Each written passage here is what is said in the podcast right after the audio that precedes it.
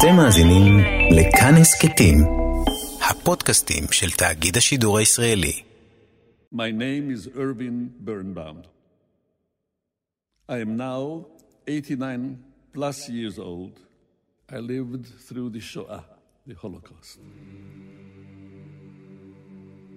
And I want you to know that because of the story that you will hear, I learned to appreciate life, and I take every day as a present, as a gift.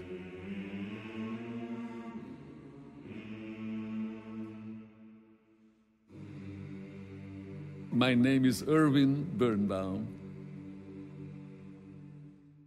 and this is my story. שמי הוא ארווין בירנבאום. אני בן 89 ויותר. חייתי בשואה, ואני רוצה שתדעו שבגלל הסיפור שתשמעו, למדתי להעריך את החיים. וכל יום בשבילי הוא תשורה, מתנה. שמי ארווין בירנבאום, וזהו הסיפור שלי.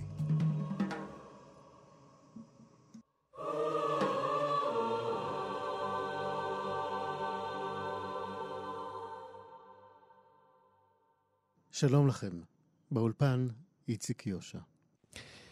הרב ארווין בירנבאום נולד בצ'כוסלובקיה ב-1929, וסיפור חייו שזור בתקומה מפוארת, כאשר הפך לפרופסור בעל שם באוניברסיטאות קולומביה וניו יורק בארצות הברית. בתחילת שנות ה-70 הוא עלה עם משפחתו לישראל והרחיב את פועלו להידוק הקשרים בין ישראל לתפוצות. סיפור הישרדותו בשואה מילא את חיי המשפחה שהקים עד שבשנה האחרונה הפך השראה ליצירה שכתב הנכד שלו, ניצן בירנבאום, בן ה-21. ניצן הוא מוסיקאי ברוך כישרונות שהספיק לנגן עם מיטב יוצרי הג'אז בישראל ואומני השורה הראשונה של הרוק הישראלי. שלום לסבא הרב ארווין בירנבאום. שלום לך. שלום, שלום. אני רוצה דווקא להתחיל מהאמצע. סבא ארווין, אתה גדלת בבית דתי, ואחרי השואה עברת משבר אמונה גדול, והבן שלך, דניאל, ציטט אותך כמי שאומר, יש אלוהים, אבל הוא לא היה בשואה. עברו הרבה שנים מאז האמירה המרעידה הזאת, אני חייב לומר, והיום אתה רב בישראל.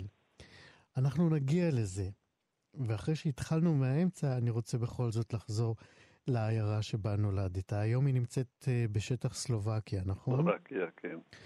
ספר לי על הבית של ההורים שלך. הבית היה דתי. אני הלכתי, לא הייתי אומר כל יום, אבל אבא וסבא שלי הלכו יום-יום לבית הכנסת. אני הרבה פעמים הלכתי איתם. בשבתות, בימי שישי אחרי צהריים, סגרנו את הרדיו, אפילו בתקופות שהן היו די מסוכנות. לדוגמה, כשאני זוכר עד היום את האחרי צהריים הזה, כשהגרמנים כבשו את, את אוסטריה, מה שקראו אנשלוס, ואנחנו ישבנו מסביב לרדיו אחרי צהריים ביום שישי, וברגע מסוים אבא אמר, עכשיו הולכים לבית הכנסת, לא סוגרים את הרדיו, אבל משתיקים את הרדיו, נחזור אחרי התפילה, אחרי ארוחה, אז נעשה זה יותר חזק. אבל בית כזה. ההורים לפעמים הלכו לאיזו הצגה בימי שישי בלילה, כשקנו את הכרטיסים בימי חמישי או בימי שישי הצהריים. ואז זאת אומרת, זה היה בית דתי, אבל אפשר להגיד עם... עם התאמות. טיפ, טיפ, טיפה מודרניזם, כן, כן ליברלי. ובבית כזה גדלתי. אני הלכתי לבית ספר בוודאי כשכבר הגעתי לגיל הזה, ואחרי בית ספר הלכתי ישירות לחדר. כשהתבגרתי קצת, כשכבר הגעתי בגיל אה, תשע, אז כבר הלכתי לישיבה קטנה אחרי בית הספר. בבית כזה. זאת אומרת, הייתה אה, לא, לא רק נימה קטנה, הייתה, הייתה הרגשה חזקה של דתיות, אבל אה, בלי, בלי פנאטיזם. כן, וכשהגעת, לגיל עשר, קרה? לא, אני, אני עוד, אני uh, הייתי, הלוא השואה לא התחילה אצלי עד גיל 13 וחצי, 14. אז הגרמנים כבשו, ממש פיזית כבשו את העיר שלנו. Mm-hmm. את, שאז כבר הייתה תחת שלטון הונגרי. קשה. ובאותם הימים החיים בוודאי השתנו לגמרי לגמרי. אז שאלה אם אתה גם מעוניין לדעת מה קרה אחרי זה. זה טוב. בדיוק הזמן אה, להמשיך מה קרה מכאן. כן, אז uh, היה, אני אפילו זוכר את התאריכים, כי הם היו תאריכים מאוד חשובים בחיים שלי, וגם אחר כך כתבתי על זה. ב-19 במרץ זה היה 44, זה כבר נראה מאוחר במלחמה, מלחמת העולם השנייה. אבל אז הגרמנים אה, הגיעו עם הצבא שלהם, הברמאכט, לעיר שלנו, כבשו את העיר, והחיים השתנו אה, ממש מיום ליום.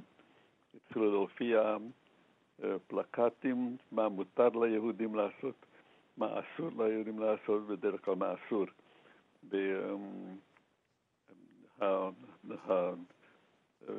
והתלת הצהוב, אמ, המגן דוד, הופיע בשבוע, עשרה ימים הראשונים אחרי שהגרמנים נכנסו לעיר, ואחר כך בא האיסור להאזין לרדיו, וטלוויזיות עוד לא היו,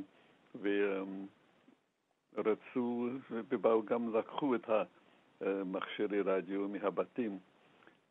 לא רצו שהיהודים תשמעו על על מה שקורה בעולם. כן. ושבועיים שבועיים אחר כך אה, עוד, עוד הלכתי לבית ספר, היה בסדר, אבל אה, כבר ידענו על מה מדובר, וגנבתי מאיזה אה, חבר לא יהודי את הניירת שלו שהביא לבית הספר באותו יום. אבל הכנתי כבר את עצמי, ידעתי שזה הולך לקראת uh, טרגדיות, כי שמענו די הרבה לפני הכיבוש הגרמני במרץ 44 על מה קרה בסלובקיה ומה קרה בפולין, כי הגיעו הרבה פליטים משם דרך העיר שלנו עם המטרה להגיע לבודפשט שהייתה ידוע כעיר האג, המטרופולין במרכז אירופה, ושם אולי אפשר להתחבא בין המסות, אה, אפשר למצוא מקום אה, כדי אה, לעבור את המלחמה. חודשיים אחרי שכבשו את העיר, כבר לקחו את היהודים לגטו, שאצלנו זה היה גטו זמני מאוד, בית חרושת ללבנים, וכבר באמצע מאי אה, הגיעו הרכבות למקום הזה, לבית חרושת ללבנים, ולקחו משם את היהודים. אבל ביום כשהתחילו לקחת את היהודים מהבתים, יהודים שלקחו אותם, את, ה, את הזקנים באו ועזרו להם להגיע שם בעגלות, ואחרים היו צריכים להגיע למקום הספציפי הזה שנקרא הגטו. אז באותו, באותם הימים ההורים שלי עזבו את, את הבית, ואח שלי, מיקי ואני, קיבלנו הוראות מאוד מדויקות לאן להגיע כשמתחילים לאסוף את היהודים באזור. ובאמת באותו יום כשהתחילו לקחת את היהודים מהבלוק שלנו, אז אח שלי, מיקי ואני, נכנסנו לסבא סבתא שגרו על ידינו, להגיד להם שלום. ידענו שזו הזדמנות אחרונה שאנחנו רואים אותם, כי אנחנו היינו די מודעים לזה שכל זה הולך ל... ל... ל... לקחת את היהודים ל... ל... לגט... ל... למקומות השמדה. זה שמענו כבר מה... מהפולנים שהגיעו אלינו בדרכנו לבודפשט. אז uh, אנחנו נכנסנו לסבא וסבתא. שכמה מהאנשים מהמשפחה התבשרו אצלם כדי שילכו ביחד. הזקנים, האח של סבתא שלי והאחות שלה הגיעו שמה, ואני זוכר שאני רציתי להגיד שלום, איך אומרים שלום, כשאני בגיל 14 לסבא, לסבתא. אז אני, אה, אני מגיע לסבא ואני אומר לו, אה, אפילו לפני שהייתה לי הזדמנות להגיד לו שלום, הוא אה, שם את ידו על, ה... על השכם שלי. ואמר, איך leben, mein אני רוצה לחיות, ילד שלי. נו גיינשוין, אבל לך, לך כבר, לך כבר. זאת אומרת, הוא, הוא ידע שיש לנו מקום מחבור, ובכל זאת הוא נתן לנו את, ה, את, ה, את האות שהוא היה רוצה לחיות, אבל יודע שהוא בגילו כבר לא יכול להסתדר כמו שאנחנו הצעירים יכולים. אז הוא כאילו נתן לו את, את האיתות, דפק אותנו, לכו, לכו כבר, לכו.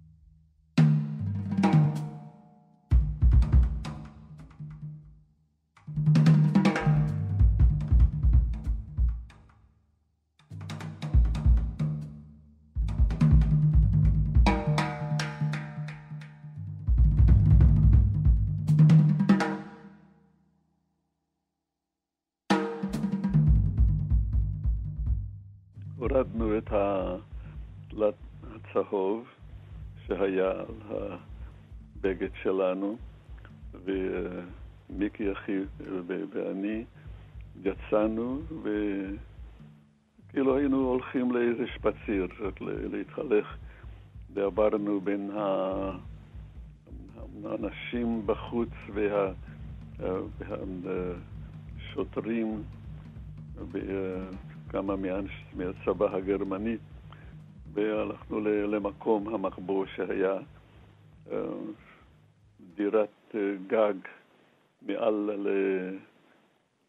מעל למקום נקרא טיבולי, זה היה איזה, אה, בית סרטים די ידוע בעיר. ושם אבא שלי סידר עם האישה שהייתה אחראית על הניקיון שם, שהיא תיתן לנו את האוכל וכל מה שצריך, אה, תדאג לנו, וקיבלה כסף, אה, אני לא יודע כמה, בוודאי, אני לא, לא בקיא בזה, אבל זה היה כדאי בשבילה. והיינו שם כ-12, 13, 12 איש. באותה לא עליית גג. אחי ואני, אבל גם כמה אנשים אחרים שאבא שלי סידר להם את המקום הזה. ולהמשיך עם הסיפור? בוודאי. ו... ואחרי כשבועיים, האישה שהייתה אחראית עלינו, אה, גברת לבנוביץ' קראו לה, אני זוכר את היום, אה, קיבלה איזה מכתב שהביאה לנו. זה היה באמצע היום, בדרך כלל הקשר בינה ובינינו היה רק אה, באמצע הלילה. אז אנחנו ירדנו להוריד את ה... את ה... מה להגיד, הפיפי קקי שעשינו, הלוא בכל זאת היה אה, די הרבה מזה, מ-12 אנשים שהיו שם למעלה. ואני הייתי הצעיר בקבוצה, אז אה, זה נפל עליי, אני עשיתי את זה. וגם להוריד את ה... את, את הדברים שלא היו צריכים, והבאתי את האוכל למחרת. בדרך כלל ירדנו שניים. אז בכל אופן, היא הביאה באמצע היום עם איזה מכתב שקיבלה. אה, לפי המכתב הזה, מי שכותב את זה אומר, אנחנו יודעים שבבית הזה ישנם יהודים במחבוא, ואנחנו נעביר את המידע לגסטאפו. אם אתם לא תשימו עד מחר, בשעה מסוימת, בשעה שש בערב, בסל שמכוסה 50 אה, אלף פנגה. זה שהוא שווה, אני חושב, 20 אלף דולר. ואנחנו קיבלנו את המכתב הזה, ואנשים היו ממש אה, במדהמה, לא ידענו ברגעים הראשונים מה לעשות, ואחר כך בין אלו שהיו יותר מבוגרים אמרו, אם אנחנו ניתן להם את הכסף הזה עכשיו, אז בשבוע הבא יבקשו עוד, ולא יהיה סוף לזה. ולכן לא כדאי להתחיל עם זה, לא לתת. מי שיכול להימלט, ימלט, ומי שלא יכול, הוא, הוא יבקש פה, הוא, הוא יחכה פה, ויקחו אותנו. הקדוש ברוך הוא יעזור לנו, אם הוא ירצה. אז כבר הייתה, הייתה שאלה איפה הקדוש ברוך הוא. אבל um, בכל אופן, um, אחי, מיקי ואני, ועוד בחור אחד uh, מאוד חמוד, שהיה קצת יותר מבוגר מאיתנו, והיה, קראו לו שלוימי. החלטנו שאנחנו נלך לרכבת באמצע הלילה. ידענו שיש רכבת לבודפשט שעוזב את אה, קשה, את העיר שלנו, ב-12, ממש בחצות. אז אה, חשבנו שאנחנו נשיג את זה, ואז אה, במרוצת הלילה יהיה אולי יותר שקט, ואנשים לא נמצאים ברחובות כל כך, ולא יכירו, לא, לא יהיו לנו אנשים שהם יוכלו להכיר אותנו כל כך. ונגיע לבודפשט, כמו שאחרים רצו להימלט לבודפשט. בבן חוכו אנחנו ידענו שההורים שלי מבודפשט, אמנם הם לא גרים תחת השם שלהם, וכל אחד היה שם ארי עם ניירת הארית, שאבא שלי סידר, וידענו את הכתובות, ונמצא אותם, ואז נתחיל להסתדר. אז אה, זה מה שעשינו, רק הבעיה הייתה עם הבחור השלישי, שהוא היה דואג שהוא נראה מאוד מאוד כמו יהודי, יש לו אף גדול, אחד מהסימנים ל, ליהודי ב, בכל הקריקטורות, mm-hmm. והוא דאג שיראו שהוא יהודי. למרות שהוא ילך כגוי, ואז אה, יתפסו אותו כמישהו לא רק שהוא נמלט, אבל שהוא גם אה, משקר, שהוא לוקח אה, זהות אחרת וכו' הלאה.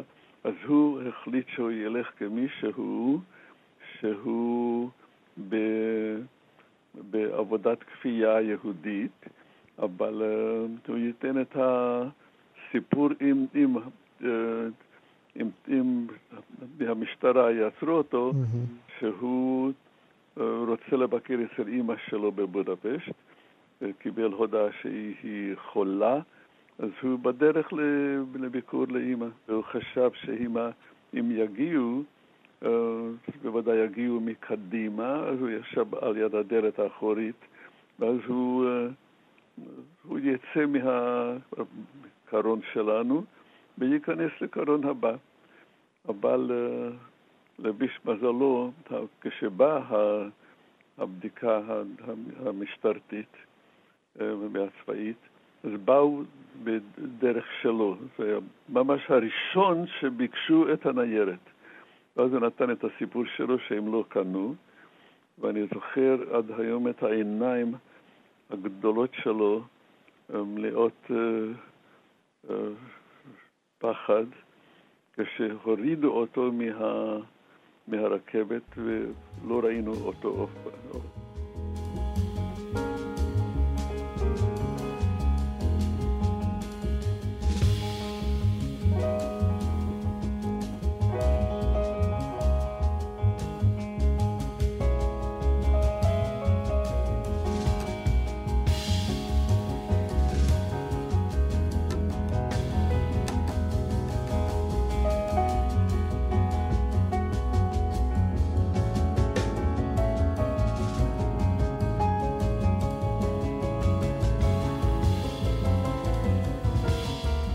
רוצה לפנות אליך, ניצן.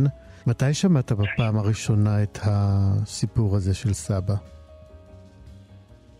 אני, אני גדלתי על הסיפורים האלה. כל מה שאתה שמעת עכשיו, אני... אבא שלי סיפר לי לפני שהייתי הולך לישון, והכל זה בעצם סיפורי גבורה של, של סבא, וזה סיפורים שעוברים בדורות. זה לא רק אני גדלתי על זה, זה, זה האחים שלי והבני דודים שלי. אני ממש יודע לפרטי פרטים אה, את הסיפורים האלה.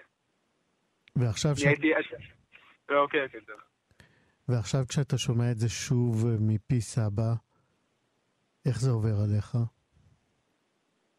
זה כל פעם מרגש אותי ומעורר בי המון המון השראה, וזה זה מדהים בעיניי. זה מדהים בעיניי איך בן אדם בגיל uh, 13 וחצי מחליט שהוא, אה, שהוא הולך לשרוד את זה. ומתי החלטת שבעצם הסיפור של סבא הוא איזה תשתית ליצירה מוזיקלית שלך? זהו, אני לא אשכח את הרגע הזה, כי זה ממש העיר אותי באמצע הלילה. לפני שנתיים אה, התעוררתי עם הרעיון הזה של להקליט את הסיפורים שעליהם אני גדלתי, את, את סיפורי ההישרדות של סבא בשואה, אה, ולכתוב לזה מוזיקה, כנכד, כ- כדור שלישי. ואני כבר אה, שנתיים רודף אחרי החלום הזה. ובאמת בימים האחרונים, כשהאלבום אה, בחוץ, זה סיפוק אדיר עבורי, כי אני מרגיש ש... שנעשה פה כבוד גם למורשת המשפחתית שלי ו... וכמובן לסבא, אבל מעבר לזה, זה, זה כבוד והנצחה של דור שלם. סבא, איך הגבת כשניצן סיפר לך שהוא הולך אה, לכתוב יצירה בהשראת הסיפור שלך? אני... אה, לי היה קשה לתפוס שהוא רואה את זה כדאי אה, להתחיל לעבוד על הסיפור שלי.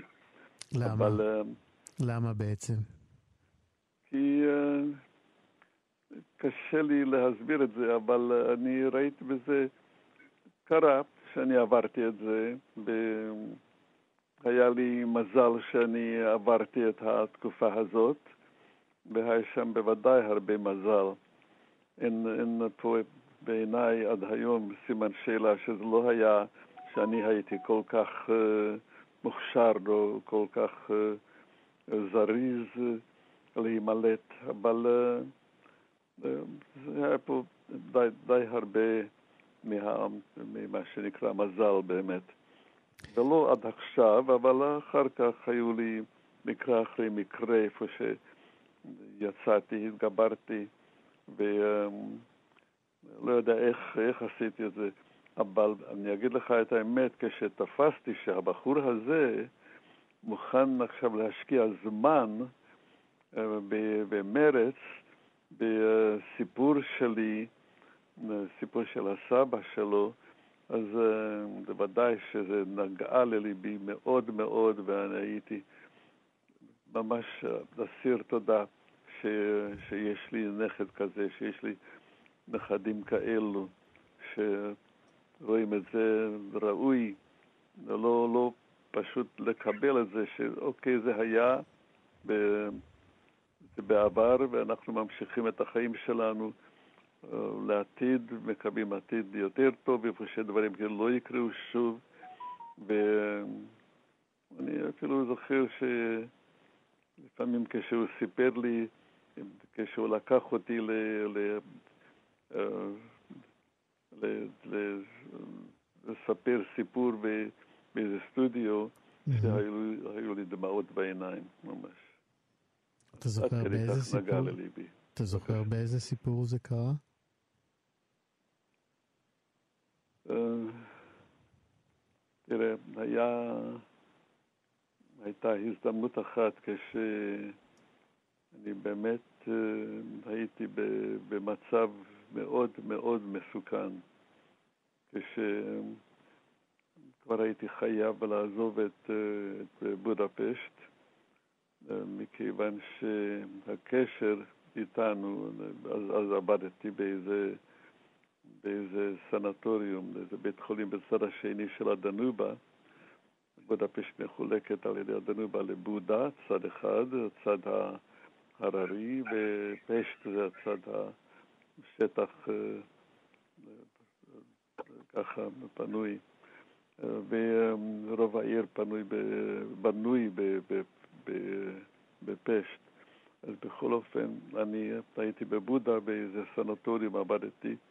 ומה... מה... המחתרת היהודית שאיתם היה לנו קשר, בא מישהו, כל שבוע בא מישהו בשם שיה כדי לראות איך אנחנו מתקדמים, מה קורה, אם חסר לנו משהו, אם צריך איזו עזרה. בקיצור, זו הייתה איזו בדיקה אולי יותר מבדיקה, זה גם הייתה כדי להרגיע אותנו, שלא שכחו אותנו, שהם בקשר איתנו. ביום אחד הוא לא הגיע בזמן כשאמור להגיע לגשר שבין בודה בפשט, איפה שאנחנו נפגשנו באמצע הגשר, היה מקום איפה שידענו, הוא ידע שאנחנו נגיע שם, ואנחנו ידענו שהוא גם צריך להיות שם. בשעה מסוימת ולא הגיע, וחיכינו וחיכינו ולא הגיע. אז התקשרנו עם ה... עם, עם ה... איך, איך לקרוא לזה, עם, עם, עם בודה הסוצה, זה היה המקום איפה שהיו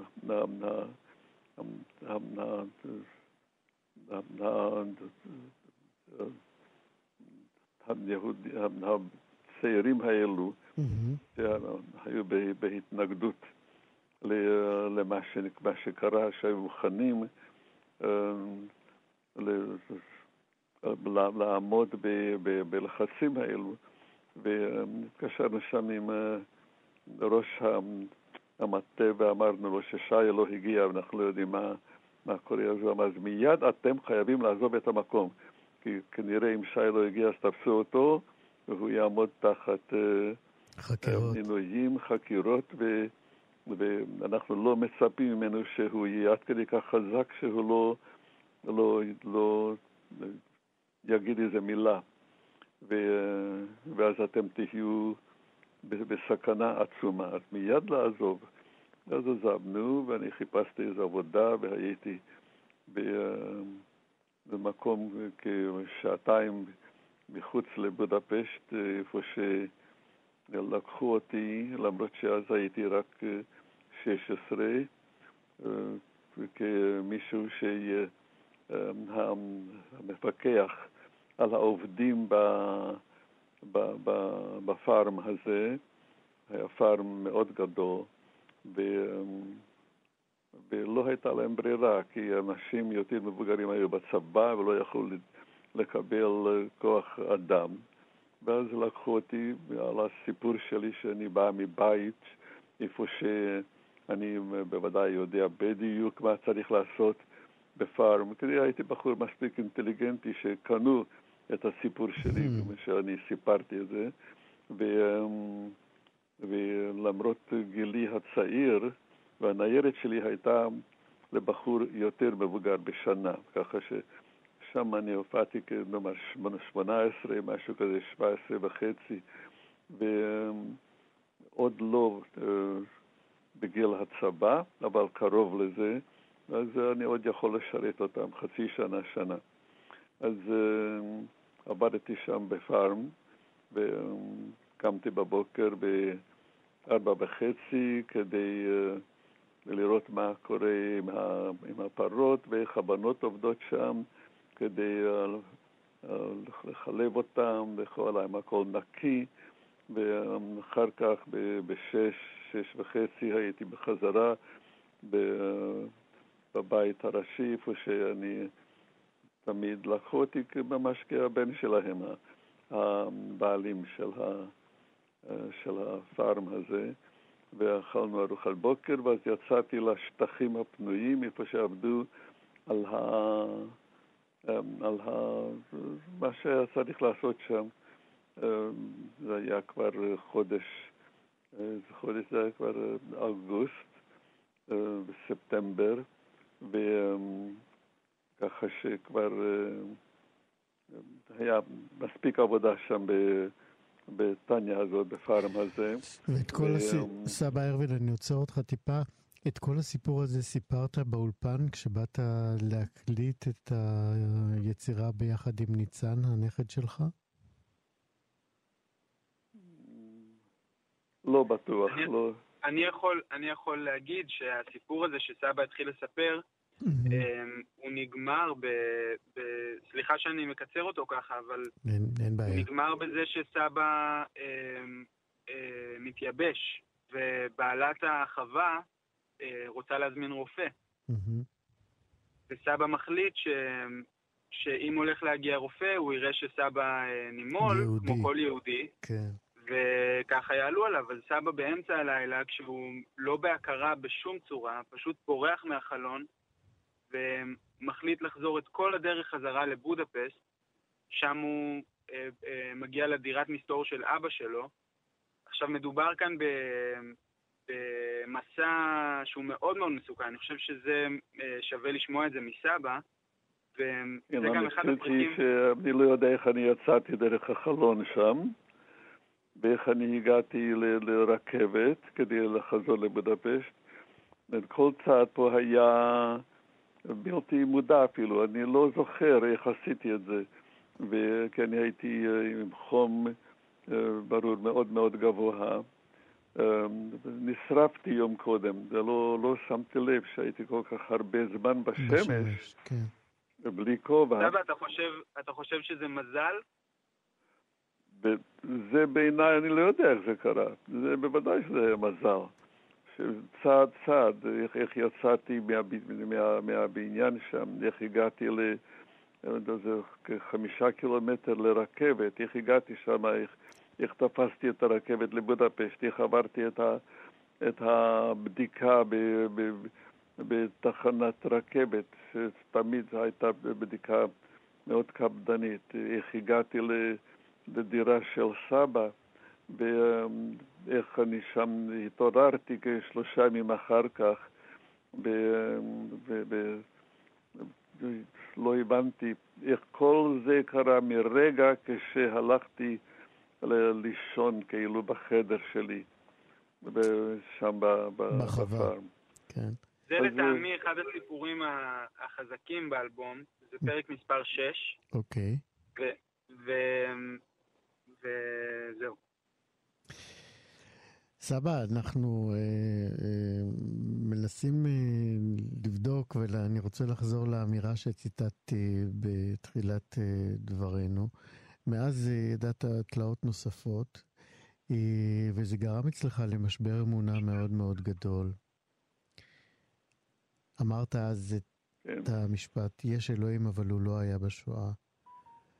כמה זמן נשארת עם. הראייה הזאת מול ה... טוב, הראייה הזאת באה אליי רק... אני השתחררתי בבודפשט ב-18 בינואר 45. כן. וכשבועיים, שלושה אחר כך למדתי שמדובר פה על היקף של שישה מיליון יהודים, וזה אנשים, נשים וטף.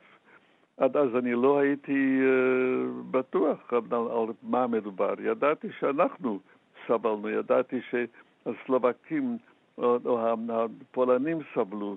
אנחנו לא היינו בטוחים, אני לא ידעתי עד איזה מידה, מה ההיקף של הקטסטרופה של עם ישראל, ששליש מהמספרים הכוללים של יהודים בעולם הלכו שם לאיבוד במחנות השמדה. וגם מבודפשט, כשאני הייתי שם, אני די ידעתי שמהגטו, כי בודפשט היה המקום היחיד, אני חושב, איפה שהיה גטו בהתחלת 45. מהגטו הנאצים לקחו, נאצים ההונגרים, כי כבר הגרמנים הם, הם נמלטו ברובם, אבל הנאצים ההונגרים היו מאוד פנאטים ולקחו מהגטו קבוצות של יהודים, מינימום כאלף כל יום, לקחו אותם לדנובה ושם ירו בהם במים. והמשיכו להרוג את היהודים עד הרגע האחרון. כן. אז uh, אנחנו ידענו שזה קורה, לא ידענו על ההיקפים. אז uh, זאת אומרת, לכן... כאשר התמונה בעצם התבררה לך במלוא הזוועה שלה, קרה לך משהו בינך לבין uh, האלוהים שלך. כן, בוודאי, שאני לא הבנתי איפה הוא, איפה הוא היה, מה קרה. אנחנו עם הבחירה, אנחנו... עם, עם האהוב עליו, והנה, דברים כאלו יכולים לקרוא ל, ל, ל, לעם שאלוהים אוהב, כן. אז בוודאי שאני, בכלל אני... ואז הסרת את הכיפה שלך והצטרפת לתנועת השומר הצעיר, תנועה חילונית. ואז הצטרפתי לתנועת השומר הצעיר, כן, כדי לעזוב את אירופה, כן. כן. כדי להגיע ארצה, זו הייתה, המטרה באמת הייתה מאוד מאוד מכוונת. רציתי להגיע ארצה. ומה שיותר מהר. כן. כמה זמן היית מחוץ לדת, ומה גרם לך בעצם אה, לחזור לחיק הדת? הרבה זמן הייתי מחוץ לדת, כי uh, מה שקרה, uh, שבסוף שאני הגעתי ארצה, אחרי שנתיים כשהחלטתי שאני רוצה להגיע, כי הקבוצה שלנו הוחזקה על ידי הבריחה. בזרוע של ההגנה באירופה, שעזרה ליהודים לברוח לארץ, כן? ולכן קראו להם בריחה. והיינו בגרמניה כמעט שנתיים, ואז היינו באוניית אקסודוס. באקסודוס 47, זאת הייתה אונייה שהבריטים החליטו להחזיר למקום מאין שהם יצאו מאירופה. כן. ואנחנו יצאנו מצרפת, אז החזירו אותנו לצרפת, לא רצינו לרדת בוודאי, ושאלנו לא נזוז מפה, לא נזוז מפה, ואז לקחו אותנו דרך הגיברלטר להמבורג, שזה היה תחת שליטה בריטית, ושם הורידו אותנו בכוח. והיינו במחנות, לא כולם במחנה אחד, אני הייתי בפופנדורף, במחנה שהיה פעם מחנה אם לא השמדה, כי זה אפשר להגיד פה דבר היה מחנה השמדה. כן, אני רוצה בכל זאת לחזור למשבר האמונה. היית הרבה שנים, אה, הסרת את הכיפה, אה, היו לך מחשבות כפירה מאוד עמוקות, ובכל זאת באיזשהו שלב אתה מחליט אה, לחזור אל חיק היהדות כיהודי דתי.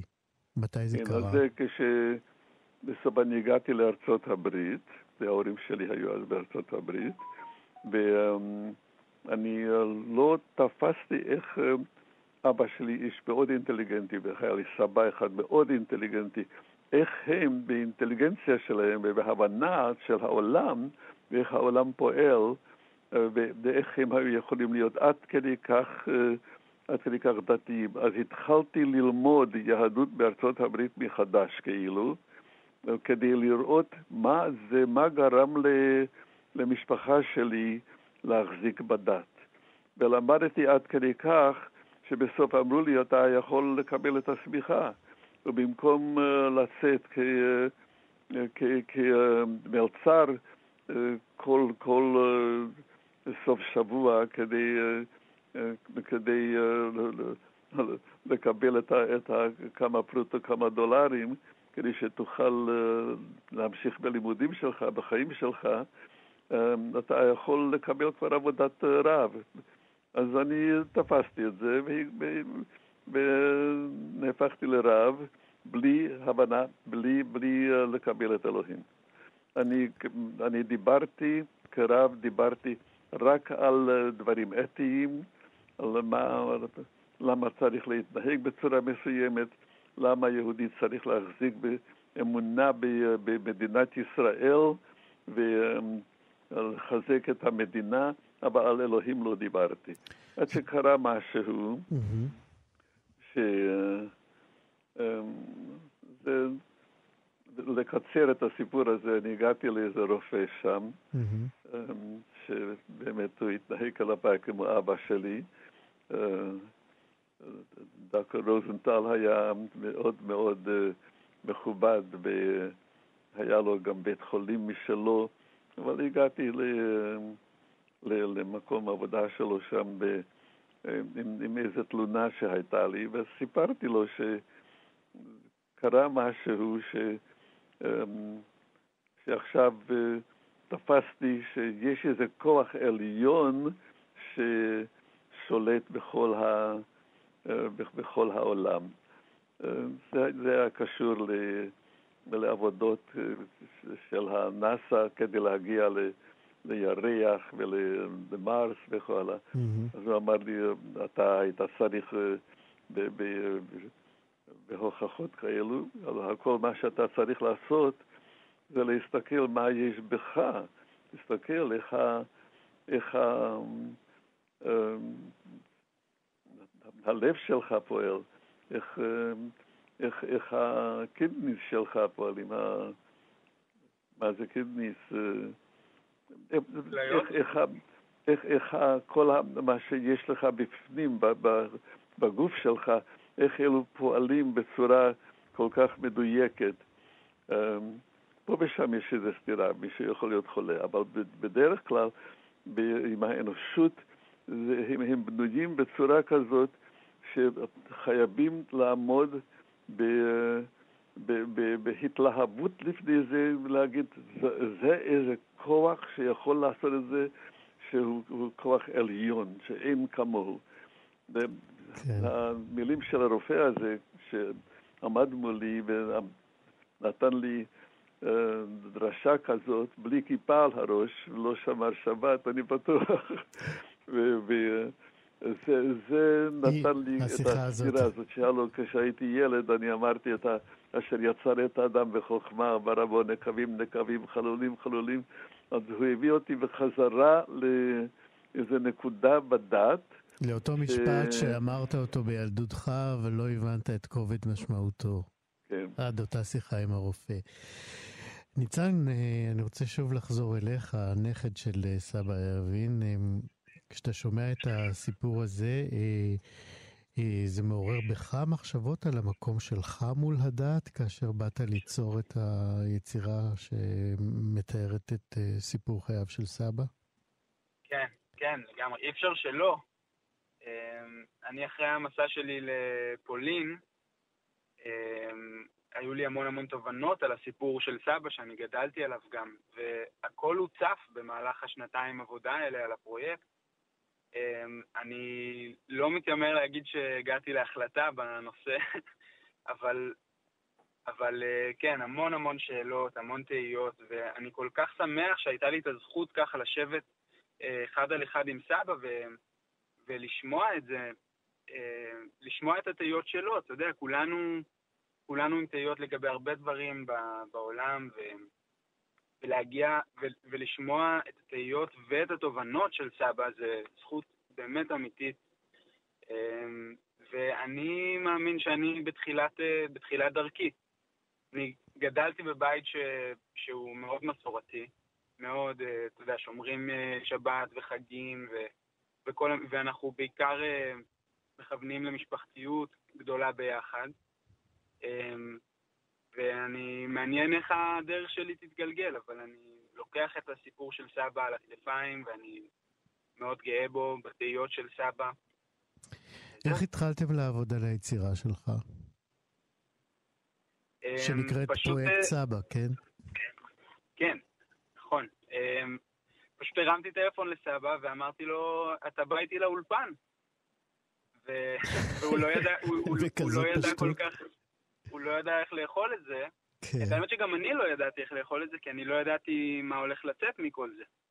אבל, אבל הייתי מאוד uh, ברור מול עצמי שאת זה אני צריך לעשות. להרים טלפון לסבא ולהזמין אותו איתי לאולפן. החלטתם אה, ל- לספר את הסיפור דווקא באנגלית. למה? כי אני מאמין שהסיפור הזה הוא, הוא לא רק הסיפור של משפחת בירנבאום ושל סבא ארווין. אני מאמין שהסיפור הזה הוא סיפור של, של העם היהודי, הוא משבר של כולנו. אה, אולי הפרטים הקטנים הם, הם, הם לא אותו דבר, אבל, אבל איפה אלוהים זאת שאלה שכולנו שואלים, כל יום. וזה לא רק אנחנו כעם יהודי, זה אנחנו כאנושות. זה כולנו, כולנו, כולנו. ו, ובגלל זה אני בחרתי שסבא יספר את הסיפור באנגלית, שהיא, אפשר להגיד, אה, אה, נחשבת שפת אם בשבילו, כי הוא גר שם המון שנים. ו...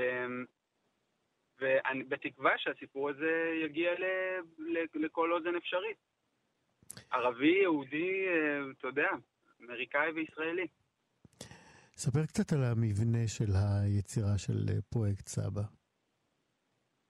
אוקיי, הפרויקט מחולק לשני חלקים. בעצם החלק הראשון הוא מה שיש היום בחוץ, שאני מזמין אתכם אה, לפתוח יוטיוב ולשמוע. קוראים לזה סבא פרויקט, וזה מספר על הילדות של סבא עד סוף המלחמה, שם הוא נהיה אתאיסט. החלק השני, שהולך לצאת בשבועות הקרובים, הוא מספר על ניסיון העלייה של סבא לישראל, על האקסודוס, מהמם. והחזרה לאמונה שלו, חזרה לאמונה באלוהים, אמ, אה, ואז באמת העלייה שלו לישראל. בעצם פרויקט שבמכלול שלו הוא משואה לתקומה, אה, והוא מובנה משני חלקים. בפרק, בחלק שיצא כבר, אה, אה, יש אה, חלק שהיה קשה לך במיוחד לכתוב, או, או, או היית צריך לשמוע עוד את הקול של סבא כדי להעמיק בכתיבה? את האמת ש... השלישי זה פרק שסבא, הוא תיאר את זה מקודם, אבל זה פרק שסבא נפרד מהסבא וסבתא שלו. וזה היה פרק אה, מאוד מאוד, אה, שמאוד נגע בי, ואני קצת הייתי, לא ידעתי מה לעשות איתו. כי הוא היה כל כך עוצמתי שאני לא באמת יכולתי להכיל אותו. תחשוב שאתה יושב מול סבא שלך, וסבא שלך מספר איך הוא נפרד מסבא שלו. ושהוא אפילו לא הספיק להיפרד מסבא שלו, כי סבא שלו אמר לו, גיישון, גיישון, לך כבר. כדי שלא יתפסו אותך. אז אני, אז זה היה, זה היה באמת, אה, זה היה רגע שאני לא אשכח. לשבת מול זה ולבחור מוזיקה שתתאים לדבר הזה. למזלי, נכנסתי לאולפן עם מוזיקאים מהשורה הראשונה, זה היה שי מאסטרו על הפסנתר וכריס טורדיני על הבאס, זה מוזיקאים מעולם הג'אז, שהם כל כך אה, אה, הסכימו לקחת את הסיפור גם על הכתפיים שלהם, והם, והם זרמו איתי ועם הרעיונות שלי, ובאמת בורכתי במוזיקאים האלה באלבום. ו, ואני חושב שיצאה תוצאה אה, מעניינת. כן, היא תוצאה בהחלט אה, מרתקת. אה, סבא ארווין אה, בירנבאום, אני רוצה לחזור אליך, אנחנו ככה לקראת אה, סיום. אה, היה לך קשה להיכנס לאולפן ולהקליט עם אה, ניצן, הנכד שלך? לא, באמת לא. אמ, אני, בוודאי שהיה לי קצת כבד על הלב, כי לא ידעתי אם אני יכול באמת לבטא את אה, כל התחושות ואת, ה, ואת, ואת הרגשות, אבל אמ, אני אמ, לפני זמן מה אני הגעתי למסקנה שאני לא אהיה מאותה קבוצה ש... שהיא, ש... שהיא לא מדברת על העבר שלה. אני הגעתי למסקנה שאני חייב לדבר על העבר שלי, כי אחרת, אם אני לא אדבר, אז זה יישכח. אם אני לא אדבר, גם מאחרים יש הזכות לא לדבר. ואני לא רוצה להיות חלק מאותה קבוצה שהיא, שהיא או מתביישת או מפחדת או לא יודע למה, לא, שלא רוצים לדבר על העבר שלהם. אנחנו חייבים לדבר על זה כדי שזה לא יישכח, כדי שעם ישראל וגם העולם כולו ייקח בחשבון שיש באנושות גם משהו שלא תמיד נותן לו האפשרות להיות אה, אה, בני רחמים או בני טובים, שהם גם יכולים להיות מאוד אכזריים, אבל מאוד מאוד. רציתי לתת ביטוי לזה, ואני, לכן אני הייתי מוכן לדבר. כן. סבא, כן. אני רוצה לשאול אותך, אה, איך, אה, כששמעת בפעם הראשונה את היצירה השלמה של אה, ניצן, הנכד שלך, מה הרגשת? מה, מה עבר לך בראש? פתאום יש יצירה שהיא כולה מעשה אומנות שנעשה מהסיפור שלך בשואה והתקומה שלך? טוב, אה, אה, היו לי דמעות בעיניים. אני יכול להגיד לך, מאוד מאוד אה, נגע בי שהנכד שלי מצא לנכון לעשות מהחיים שלי איזו יצירה אומנותית. זה דבר גדול, זה בעיניי דבר גדול מאוד. ולא לא כל אחד בעולם זוכה לדבר כזה, והנה אני זכיתי.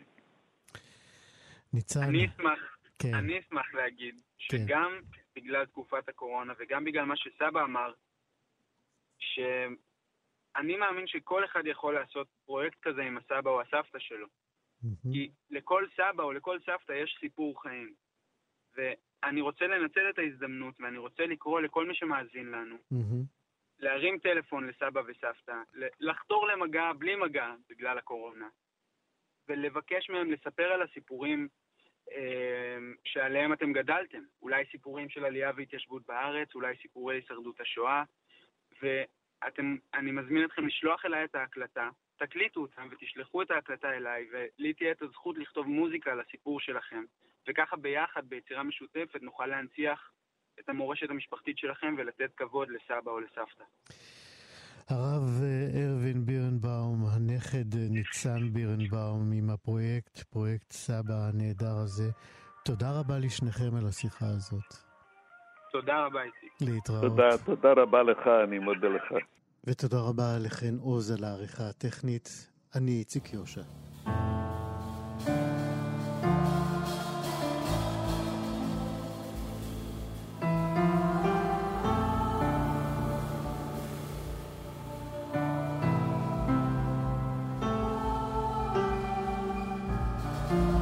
Couldn't believe in God.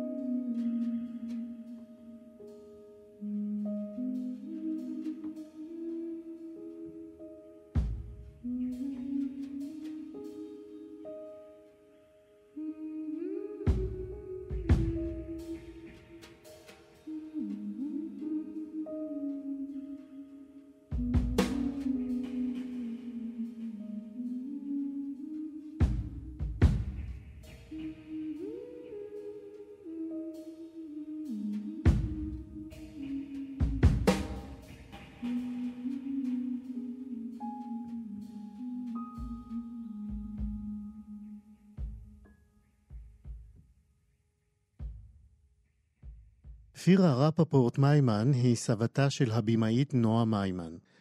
מאז שאני זוכרת את עצמי, העידה על עצמה הבמאית, עסקתי בשואה באופן מאוד כפייתי.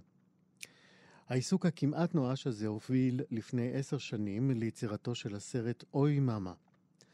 הסבתא פירה שרדה את השואה בזכות טוב ליבה של סטחה, אישה פולניה בעלת חסד אינסופי, שנתנה לה מחסה בביתה. הסרט מביא את סיפורה של פירה מפיה בדירתה שבבית האבות, שם התגוררה עם מטפלת פרואנית מסורה, שגם גידלה שם את בתה. הכרת הטוב של פירה מיימן הובילה אותה למתן חסות לביתה של מגנה במאבק שלה על רצונה להמשיך לחיות כאן בישראל במקום בו נולדה. במרחק עשר שנים וחמש שנים לאחר מותה של פירה קנטור, יש גם תפנית מפתיעה בעלילה. הסרט אוי מאמה הוא מסע אמיץ של הבמאית וסבתה בחזרה אל אותם ימים שבהם החושך ירד על האנושות. הוא זכה בשבחי הביקורת בארץ ובעולם, ומלווה את אירועי היום הזה בכל שנה. שלום לנועה מיימן, יוצרת הסרט אוי מאמה. שלום, תודה רבה על הדברים החמים. הזכרתי בפתיחת אה, דבריי את אה, עדותך על עצמך שמאז ומעולם העיסוק שלך בשואה היה כפייתי במובן המסור של המילה. אה, זה לא מאפיין כל כך את בני הדור השלישי. אני חושבת שזה מאפיין חלקים מאיתנו, ואני חושבת שישנם כמוני, אין ספק שזה לא משהו שכל דור שלישי לוקח איתו, אבל בפירוש יש קבוצה כזאת של נשאי עדויות ש... שקיימת, ואני מתגאה להיות חלק ממנה. אז בואי באמת אה, ספרי לנו את סיפורה של סבתא, סבתא פירה. אה, ככה, סבתא ילידת אה, לודג' בפולין, היא נולדה בשישי לשישי 1914, והפולנים, הגרמנים פלשו לפולין כשהיא בעצם הייתה נערה צעירה בת 25, רגע לפני נישואים, ממשפחה, זו עיר בורגנית שעסקה בטקסטיל, ו... בסך הכל חייה עד אותו רגע היו לא רעים, אני זוכרת שהיא סיפרה על חופשות סקי בזקופנה, וככה איזשהו אה, אורח חיים אה, שבעצם היה מאוד מאוד אה, נעים ועוטף. ופתאום כמעט בן רגע חייה השתנו. אני תמיד התייחסתי לסיפור השואה שלה כסיפור במרכאות קל, במובן שהיא לא הגיעה למחנות ההשמדה, והצליחה לשרוד את השואה עם רק שני גטאות ומחבוש של שנתיים וחצי. אמ, ובאמת הם היו, ב, הם, הם מהר מאוד עם הפלישה הגרמנית הם נכנסו לגטו לוד, שזמן מה אחר כך הועברו לגטו ורשה. היא התחתנה בגטו והיא מספרת, זה אחד הרגעים אולי יותר מרגשים אה, ונוגעים בסרט, שהיא מספרת על, ה, על החתונה שלהם שהם התחתנו בחדר בגטו עם חלונות סגורים ובלי בניין, שלא יהיו, ש, שלא יהיו אה, חלילה עדים או רעש או איזושהי תשומת לב לנושא. Mm-hmm. והיא בעצם סיפרה הרבה על החיים, זה, זה אולי הדבר שהכי כבש אותי בסיפור שלה, שהיא סיפרה על רגעי החיים האלה בגטו. היא מספרת למשל שהם גרו בחדר אחד, שהיו בו שלוש מיטות, אחת לאימא שלה, אחת לאבא שלה ואחת לה ולרומן, בעלה הראשון. ושאם היא הייתה רבה עם בעלה, אז אבא שלה... אז היא הייתה רצה למיטה של אימא שלה. כן, אבא שלה נוזף לחזור, לחזור לבעלה. כן. אז באמת היא מספרת על ככה רגעים של חיים. אה, באיזשהו שלב בגטו ורשה, קצת לפני המרד, האמת שממש לפני המרד, אה, רומן מצא, שמע על איזה פולניה שאומרים שהיא לוקחת יהודים, סטחה סטניסלבה, שהיא באמת חסידת אומות העולם הפרטית שלנו, אבל גם אה, של עוד לא מעט יהודים שעברו שם. והוא מבריח אותה, ויומיים לאחר מכן הוא מבריח גם את אימא שלה, שהיא בעצם האדם היחיד ששרד מהמשפחה חוץ מסבתא שלי. על שמה אני קרויה, על שם הסבתא רבא, על שם פאני. זה השם השני שלי, אה, והוא מבריח את שתיהן לבית של סטחה, ובבית של סטחה הן מתחבות שנתיים וחצי. אה, סבתא מספרת שהיה לה חיבור מאוד מאוד מיידי עם סטחה, שהם ממש הרגישו כמו אחיות, למרות שהן היו מאוד מאוד שונות. היא מתארת את אותה כמין, אה, כזה פולניה ממוצא גרמני, מאוד גאה, מתלבשת יפה, הולכת לכנסייה, ככה מאוד שונה מה, מה, מהשטטל היהודי, אבל עדיין היה ביניהם חיבור מאוד מאוד חזק. ובמשך שנתיים וחצי הם התחבאו שם. יש עוד רגע שהוא אחד הרגעים שכבשו אותי, שהיא מספרת על מין נשף קטן שהם ערכו. הם היו... כן, כולם לבשו שמלות מפוארות כן, שסטחה הביאה מאיזשהו מקום. כן. נכון, והתאפרו ושתו יין וצחקו ובכו, ו... ואלו, אני חושבת, אולי הרגעים הכי משמעותיים, שאתה רואה שגם בתוך נסיבות כן, מטורפות היא. מספרת את זה בסרט, וזה נשמע כמו סצנה מתוך סרט שהיא לא נכון. השתתפה בו. נכון, האמת שגם יש באותו רגע פתאום עלתה רוח, ושומעים רוח נוראית מבחוץ, שזה זה כזה מין, אה, אתה יודע, תאונת סאונד שאי אפשר היה לכוון. אותה יותר טוב מזה. כן.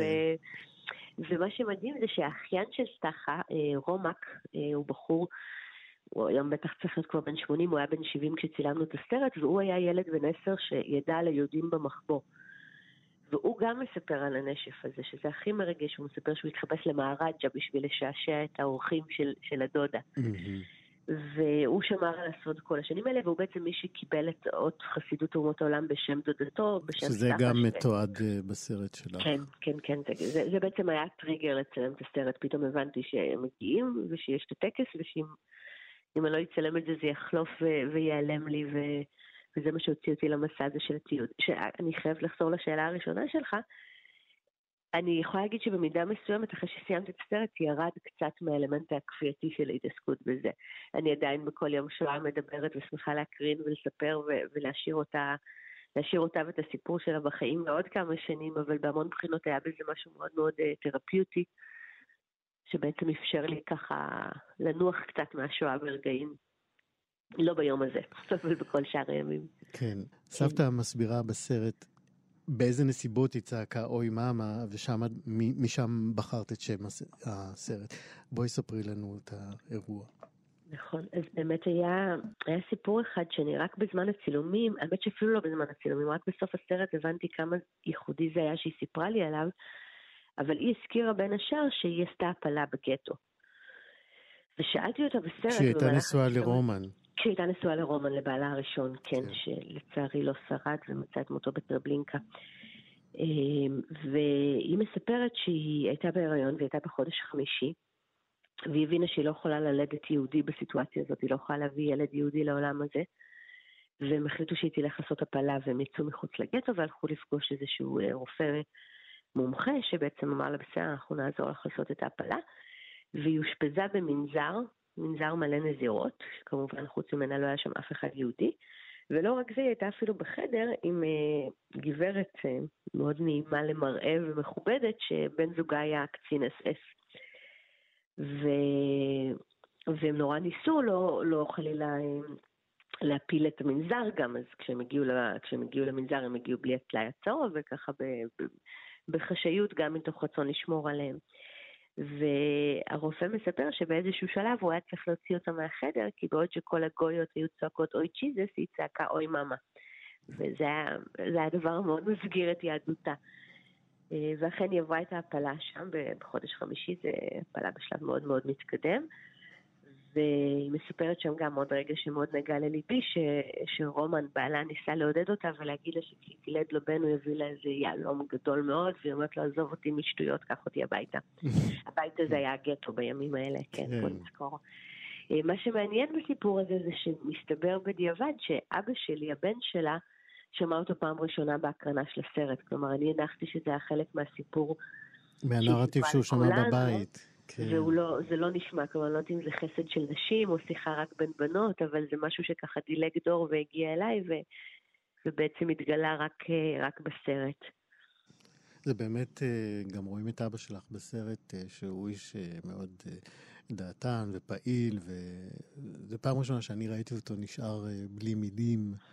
זה היה מראה מאוד מרעיד. איך זה עבר כן. עלייך? לי זה היה מאוד קשה, אני אפילו זוכרת, עוד יותר, עוד לפני הרגע המרעיד הזה, אני זוכרת שכשצילמנו את הסרט, היום שבו התכוונתי לראיין את אבא שלי, ממש ממש הפחיד אותי, כאילו הייתי, אני זוכרת שהצלם תופס אותי בצד רגע, ואומר לי, נועה, מה קורה לך? זה אבא שלך, מה, מה נסגר איתך? למה את ככה בלחץ? ואני חושבת שה... ה... במרכאות, להכניס לו אצבע בעין, כלומר העיסוק הזה שלי בנושא שהוא כל כך קשה לו ושלוחץ לו על הנקודות. אתה יודע, אבא שלי, כי באמת כתוצאה מהשואה, והוא גם אומר את זה בסרט, הוא אומר, אני החלטתי לא להיות קורבן, אני החלטתי להילחם נגד תופעות, אני אשלוט בכל כלי תחבורה, אני אדע לצאת מכל מצב, כלומר, כל, ה... כל הירושה שלו מהשואה, הייתה ירושה של איך אני אף פעם לא מגיע לשם שוב, והעיסוק שלי בחיים ובפרטים ובמתים ובזוועות הקטנות וברגעי חיים, זה, זה ממש היה כאילו לפזר לו מלח בפצעים, ואני זוכרת שהיה לי חשש מאוד מאוד מאוד מאוד גדול סביב הרעיון. ואני גם אגיד שהצילומים לא עברו בקלות, כלומר, אני זוכרת הערות מהמשפחה של תהרגי אותה, מה את גורמת לה להתעסק בזה. כאילו זה היה, זה היה לא פשוט לגרד את הפצע הזה עבור כולנו. כאילו זה היה, אני חושבת שבסוף כולם שמחים על זה ונשאר הסרט. כמה שנים אחרי לכתה והסיפור הזה קיים וממשיך להיות מסופר, ואני חושבת שזה יותר חשוב, אבל ללא ספק שאתה בא לכוון מצלמה כלפי המשפחה שלך, בטח במשהו שהוא מין פצע כזה מבעבע של כמה דורות, אז זה היה, היה מאוד מאוד קשה. כלומר, היו רגעים שאני גם חששתי שאולי... שאולי אני, אני אהרוג אותה עם זה. למזלי, לא רק שלא הרגתי אותה, זה עוד חמש שנים נשארה וראתה את הסרט בכל יום שואה, ואני זוכרת בימי שואה האחרונים הייתי יושבת איתה והייתה רואה את הסרט והייתה אומרת את המשפטים יחד עם, יחד עם הייצוג שלה במסך, כן, זה, זה היה די מדהים. אז לא הרגתי אותה, אבל זה היה ללא ספק מסע קשה ללכת לחשוף את כל הקרביים האלה. ובדיעבד אה, סוג של מתנה שיכולת לתת לה אה, עוד אה, בחייה. אני רוצה שנדלג, המלחמה הסתיימה, סבתא אכן מצאה את המחסה שהציל אותה בביתה של סטחה סטניסלבה, ומשם היא עברה לפרו. נכון. נכון, בעצם מה שקרה היה עוד שלב ביניים, הם עברו למחנה עקורים, אה, המלחמה נגמרה, רומן, כמו שאמרתי, מצא את מותו בטרבלינקה. היא מספרת שהוא עלה על רכבת והוא שאל את היהודים לאן הרכבת הולכת ולא ענו לו, ו... וכשהוא גילה כבר היה מאוחר מדי. ורק שנים אחרי זה כמובן היא שמעה את הסיפור, אבל המלחמה נגמרה והם עזבו את המחבוא, וסבתא אפירה ואימא שלה פאני בעצם חזרו ללודג' לראות אם מישהו שרד. לצערה אף אחד מהמשפחה לא שרד, אחיה מיכאל נספה, אביה נספה עוד בגטו, הוא מת עוד בגטו, ו... ושם היא בעצם פגשה את סבא שלי. סבא שלי בילה כמעט שלוש שנים בגולאג בנובו סיבירס, הוא היה אה, מגליטיה מקולומיה, וכשהוא חזר מהגולאג הוא גילה שהרגו את אשתו ואת הבן שלו, אריה, בן השלוש. ו... ובעצם אז גייסו אותו לצבא הפולני. עכשיו, זה לא היה כל כך נהוג שיהודים היו קצינים בצבא הפולני באותה תקופה, אבל uh, כנראה היה חוסר בכוח אדם והחריגו את העניין, והוא מונה כקצין החי, להיות אחראי על שיקום גטו לודג' בעצם, אזור שהוא לא היה ממנו ולא היה קשור אליו, ושם הם נפגשו. וכמו שני אנשים, אתה יודע, שניהם איבדו בני, איבדו בני זוג, היא הפילה, הוא איבד ילד, והם דבקו זה בזה, ותוך שישה שבועות הם התחתנו, ו... וסבתא שלי אמרה לו, אני רוצה שנעשה ילדים, לך אין אף אחד, לי אין אף אחד, בוא, בוא נבנה חיים, ובאמת אבא שלי נולד בפברואר 46, זאת אומרת שהוא נהרה במאי, כלומר העשן מהארובות עוד עלה בחלק מהמקומות, ו... והוא נולד במחנה עקורים בגרמניה, ועד גיל שנתיים וחצי הם היו שם בלנדסברג, כשאז קרובי משפחה של סבתא שלי, משפחת אולשוונגר, שעזבה, שעזבה, הצליחה לברוח מברלין עוד לפני השואה, בעצם קנתה להם כרטיסים להגיע לפרו.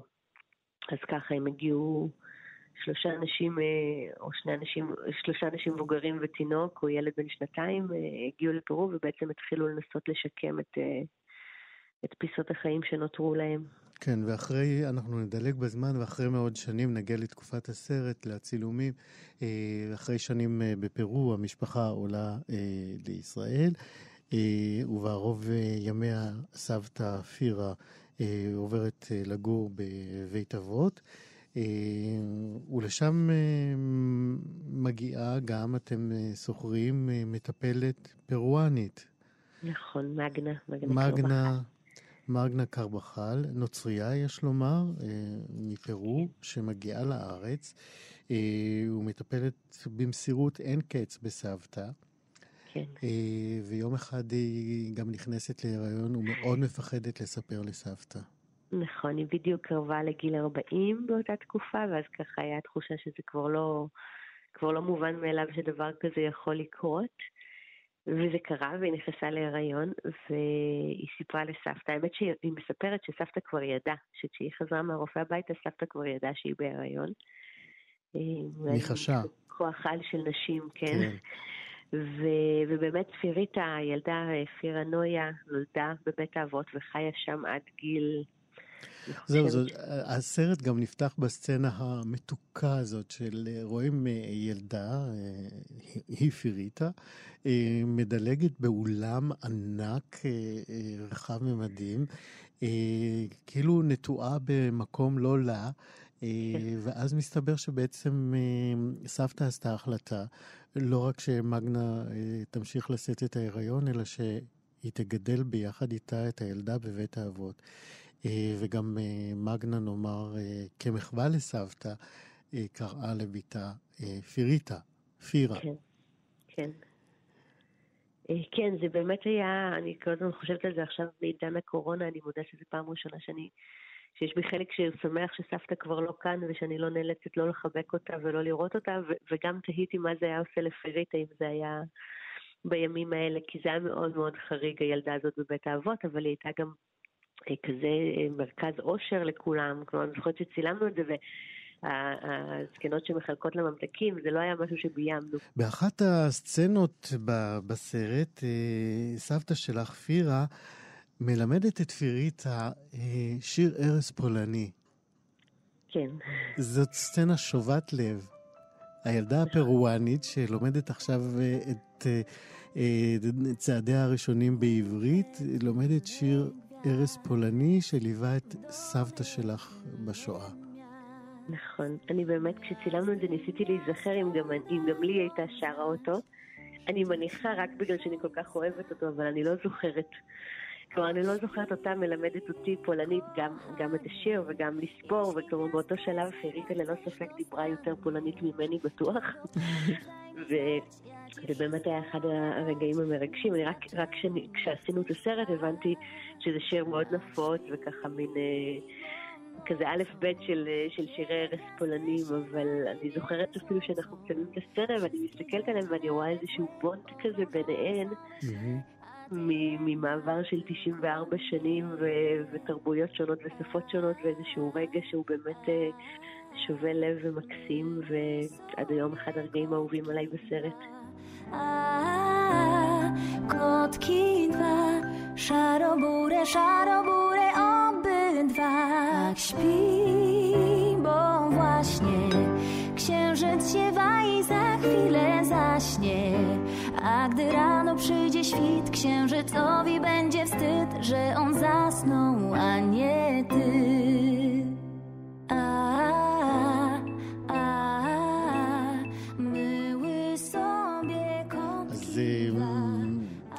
אמרנו בתחילת השיחה שיש תפנית מפתיעה בעלילה הזאת. מה שלום מגנה היום?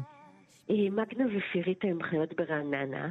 אה, מגנה אה, התגיירה, והיא יהודייה דתייה, אני חושבת שאפילו אורתודוקסית, אבל אני באמת לא ממש בקיאה בנבחי הניואנסים. היא התחילה את תהליך הגיור כשסבתא עוד הייתה בחיים, אני חושבת שזאת הייתה אולי חלק מהדרך שלה לדאוג לילדה שלה גם כש, כשסבתא תלך. וגם להביע איזושהי תודה לסבתא על החסות.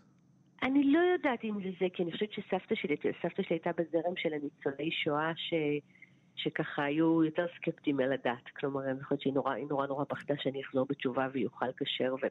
אז כאילו סבתא לא הייתה מהיהודים שלקחו את השואה כחיזוק ליהדות, אלא אם בכלל קצת כזה grain of salt, כאילו בוא, דת דת, אבל לא, לא יותר מדי. אז אני, לא, אני, חושבת ש, אני חושבת שבזמן תהליך הגיור זה אפילו קצת הצחיק את סבתא שלי והיה לה טיפה מוזר. התהליך הזה, כי גם היא באמת עשתה אותו בכל הלב, כלומר זה לא היה תהליך גיור בשביל ניירות. יכול להיות שזה באמת היה הודיה שלה על זה שהיא קיבלה חסד, על זה שהבת שלה קיבלה איזושהי הזדמנות שרוב הילדים בסיטואציה הזאת לא מקבלים. Mm-hmm. אבל, אבל אני זוכרת שבתחילת התהליך סבתא שלי עוד הייתה מאוד משועשעת מזה, וככל שעבר הזמן התחבר לכולנו. כן, התהליך אבל... מאוד מאוד רציני. נכון, ו... אבל החסד פנים רבות לו, וסבתך אה, זכתה בחיים שלה בגלל חסד של אה, פולניה, אה, חסידה, חסידת אומות עולם, ופיריטה של מגנה זכתה בחיים אולי טובים יותר מאשר היו מיועדים לה בפרו, ואימא שלה ביקשה להודות לסבתא שלך שהעבירה חסד. זה הסיפור ה... באמת אה, מפעים הזה של אה, סבתא שלך, נועה מיימן. תודה רבה על השיחה הזאת. תודה רבה לך. להתראות. להתראות, ביי.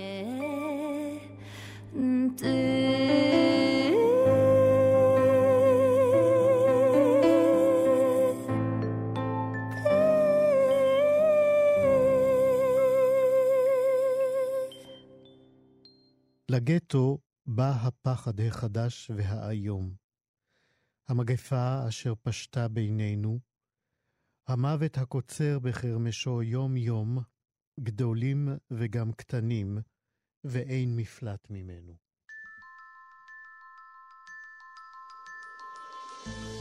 ילדה בת 12, נערה צעירה, עם שיער שחור קצר, יושבת על המיטה שלה, בהבעת פנים מאורהרת, בוהה בחלון, מחפשת נוף, מחזיקה ביד מחברת קטנה ועיפרון. היא כותבת על מה שהיא רואה, על מה שהיא מרגישה. השנים עוברות, השיר שהוסתר נמצא. וזה השיר שלה, השיר של אווה. לגטו בא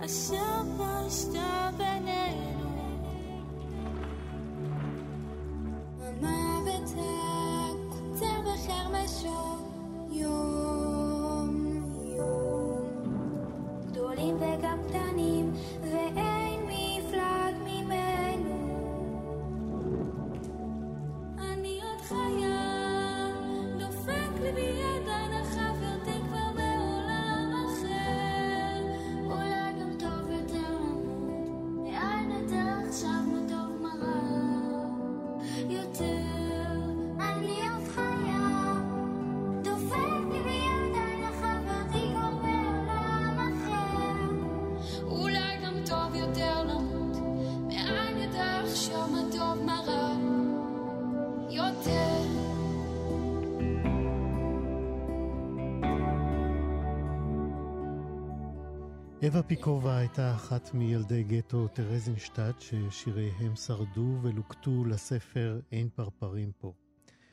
המשוררת אה, לאה גולדברג תרגמה את השירים, והמוסיקאי אפי שושני הלחין 12 מהם לפני שנים אחדות. היום, לקראת יום השואה, צולם גם קליפ לשיר "הפחד" שכתבה אווה פיקובה, אווה שנרצחה באושוויץ. ב-1943, וממשפחתה גם לא נותר זכר. שלום אפי שושני, שלום וברכה. ספר לנו על uh, השיר הפחד. איך אתה מצאת אותו? Uh, כמו שתיארת בהתחלה, השיר הוא חלק מהשפה של שירים שנמצא ב... בתוך ספר בשם אין פרפרים פה, שתר... ספר שתרגמה לעברית לאה גולדברג. וזה אחד מתוך 12 השירים שהלחנתי uh, ככה לפני כמה שנים במסגרת של פרויקט חיים. ובאמת uh, ככה חשבנו, רחל ואני, אה, לקראת יום השואה הקרוב, בידיעה שאנחנו הולכים להסתגר בבתים. רחל, נאמר, היא רחל אורנשטיין, שהיא אשת חינוך בבית הספר הבינלאומי להוראת השואה, ועוד מעט היא תצטרף גם לשיחה שלנו. אוקיי. אז חשבנו איך אפשר ככה, אה, לרצ... מה שנקרא, לגייס ילדים שמסתגרים בחדרים. ואז אה, עלה השיר הזה. השיר של אווה, שהטקסט שלו ממש, לא, לא, לא ממש, אבל אתה יודע, הוא סוג של מתכתב עם המצב העכשווי, המגפה וכולי, נכון שאומרים על שואה, אבל על המחלה הזאת שכולם פוחדים ממנה. הגם שלאווה לא נותר, כמו שאמרת, שום דבר, אין לא תמונה ולא איש משפחה ולא כלום, כלום.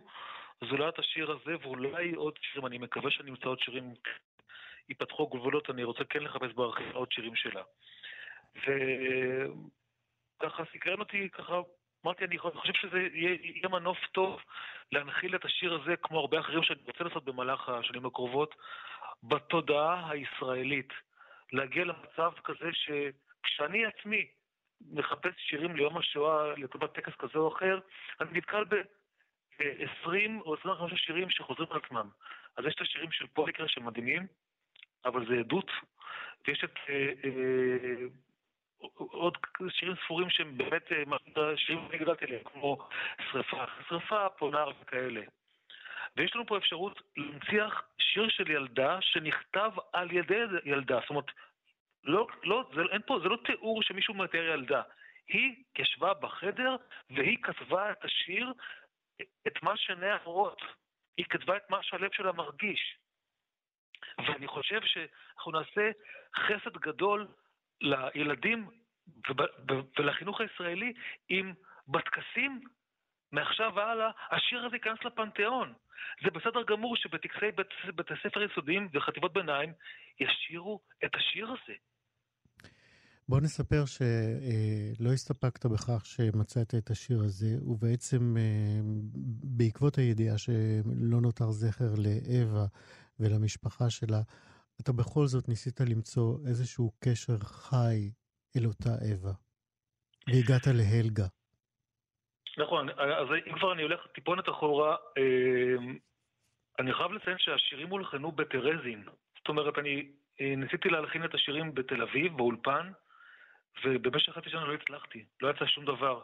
ואז אמרתי לעצמי, אני חייב לנסוע לשם, אני רוצה להיות שם. אני רוצה לשבת שם בערבים, להסתגר בחדר, ולראות אם המקום מהווה לי השראה. והמקום היווה לי השראה, ומתוך כך אני מאמין שיצאו השירים. באשר לאלגה, אה, כן, רחל, אה, שותפתי, אה, ככה חיברה אותי לאלגה. אלגה היא ציירת מפורסמת בפראג, וקיימתי שני מפגשים עם אלגה. אז רגע, ו- לפני, לפני שאתה מגיע למפגש עם הלגה, אני רוצה להעלות את רחל. שלום רחל לרונשטיין. שלום. את שומעת את אה, אפי, אה, הוא הלחין את השיר הפחד ששמענו עכשיו, שכתבה אווה פיקובה, והוא מנסה למצוא קשר חי אל אה, אותה ילדה שלא נותר זכר ממנה וממשפחתה. איך- נכון. איך יצרת את הקשר? ועם מי? אה, פשוט אה, יש אה, אחת הדמויות המרכזיות שאנחנו אה, עוסקים בה, כשאנחנו מנסים באמת להעביר את הנושא הזה של אה, זיכרון השואה לתלמידים ולצעירים ב- בבית הספר הבינלאומי להוראת השואה של יד ושם, זה בערך, בעצם דרך אה, עדות אה, אישית. אה, כלומר, כמו שאפי קצת אמר, לא לדבר על, אלא לדבר את.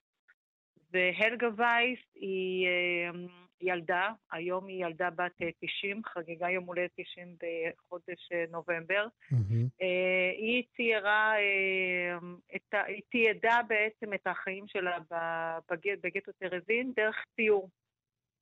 ומהחיפושים אה, שלנו והמחקר אה, שהתחלנו לעשות, אנחנו בעצם אה, הבנו שהלגה ואווה חלקו את אותו חדר, חדר מספר 24 בבית הילדים של גטו טרזין, בבית הילדות ליתר דיוק. מהמם.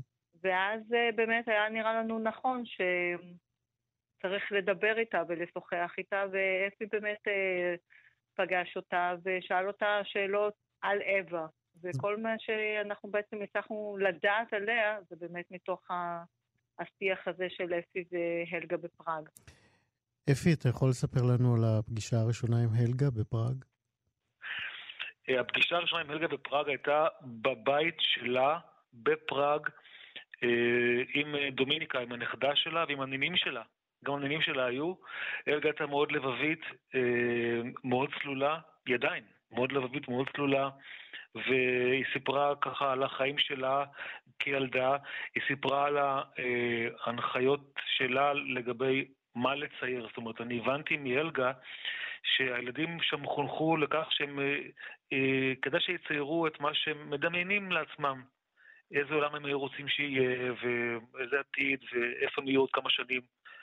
ואבא שלה, אבא של אלגה, אה, אמר לה, את תציירי מה שאת רואה, לא מה שאת מדמיינת. ובאמת ככה, אה, הציירים של אלגה הרבה יותר חזקים, זאת אומרת, זה עניין- של טעם אישי, אבל הם משקפים את מה שבאמת היה שם ברחובות.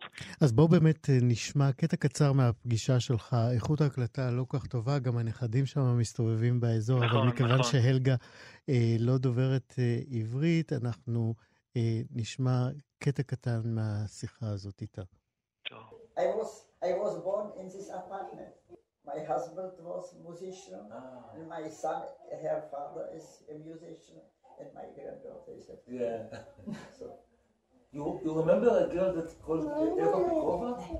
Eva, Eva Pikova. You know her? I was in the same room with her. Yes, she she wrote poems. I was staying with her in the room 24. I see she was deported in 43, Yes. and I was in Terezin till 44. This now is that how- is a view. It is a, in the room 24, and it is a view from my bedroom. And she was always staying there and wrote something. כן, זוהי הלגה, חברתה של אה, אווה פיקובה, שחלקה איתה את אה, אותו חדר 24 בגטו טרזין. היא אה, שולחה אל אה, מחנה המוות אושוויץ אה, אה, אווה ב-1943. הלגה נשארה שם עוד שנה ועזבה ב-1944 וגם ניצלה. אה, כשפגשת את אה, הלגה, מה היה הדבר הראשון שהיא סיפרה לך על אווה? אה, שהיא הייתה ילדה מאוד שקטה, אה, ילדה שאוהבת לשבת, שלא לא, לא אהבה שמפריעים לה. היא הייתה יושבת אה, על המיטה שלה ומסתכלת דרך החלון, אה, והיה לה ביד אה, נייר מכתבים או איזה דף, מחברת, ועיפרון, והיא הייתה יושבת ובוהה, וכנראה שרושמת את החוויות שלה, שהשיר כנראה, אני מקווה שהוא אחד מהם. היא סיפרה שיש לה שיער קצר, זה מה שהיא זכרה. היא סיפרה משהו על היומיום שלהם שם בבית הילדים בטרזינשטט? אני חושבת אה, ש... כן, רחל, בבקשה. לא, אני חושבת שבעצם מה שהלגה עשתה זה לא לספר, זה באמת אה, לתעד. היא ציירה ואנחנו יכולים כל כך הרבה להבין ו... וללמוד מזה. אני, אחת ה... כשאפי נסע אה, לפגוש אותה, אז אה, שלחתי אותו ככה עם רשימת שאלות משלי, כי... כדי שהוא ישאל אה, בשמי. ואחת השאלות שממש ביקש ממנו זה, יש ציור אחד אה, של הלגה, שאני באופן אישי מאוד מאוד אה, מתחברת אליו, שזה ציור של אה, כל המיטות של הילדות, אחת ליד השנייה. אה, רואים את הצפיפות, כלומר מרגישים את הצפיפות, רואים את כלי הבית ואת הבגדים תלויים על, ה, על החבל, ולכל אחת מזוודה, אבל גם רואים את תשומת הלב האישית שכל אחת קיבלה. לכל אחת יש אה, תמיכה בצבע שונה, ועל אחת המיטות אה, מונחת כיכר לחם. ותמיד אה, רציתי לדעת, אה, כאילו, מה, למה? מה היא רצה בעצם לומר בזה שיש שם כיכר לחם? כי להניח כיכר לחם אה, במיטה בגטו, זה שווה ערך של להניח איזשהו, כן, כמו ש- כשאני מלמדת את, ה, את הנושא הזה בבית הספר, אז אני אומרת, זה כמו להניח את האייפון הכי חדיש על המיטה ולצאת החוצה. והתשובה שאלגה נתנה לאפה הייתה כל כך פשוטה, שהייתה פשוט אה, קסומה בעיניי, באמת. אה, איפה אתה רוצה לספר? אפי. לא, תגידי את, תגידי את. אה, אלגה פשוט אמרה, לא היה איפה להניח, אז הנחתי את זה שמה. אה, ובטבעיות כזאת, כי באמת זה היה מיוחד בבית הילדים, היכולת של, ה, של הצוות המחנכים, המדריכים של בתי הילדים בטרזין, לחנך אותם אה, לאיזשהו אה, חינוך באמת אה, קבוצתי, לערך הקבוצה, לקוד אתי מוסרי פנימי. והוודאות הזאת של ילדה שנמצאת בגטו, במקום שבוודאי אין, אין אוכל מספיק, והיא בטוחה שהיא יכולה להניח את כיכר הלחם על המיטה, ושאף אחת מהבנות של חדר 24 לא תבוא ותיקח את זה, כי הם בעצם משפחה. בגלל זה גם קראו לזה בגטו אה, היים, שזה בית, בעצם מעון בתרגום. וזה דברים, אה, אני חושבת, ההסתכלות הזאת אה, של הנושא של השואה, לא דרך המספרים הגדולים, לא דרך התהליכים, אלא באמת דרך הפרטים האלה, הקטנטנים של חיי היום-יום, הם אלה שבסופו של דבר מאירים אור אה, מאוד גדול על באמת ה...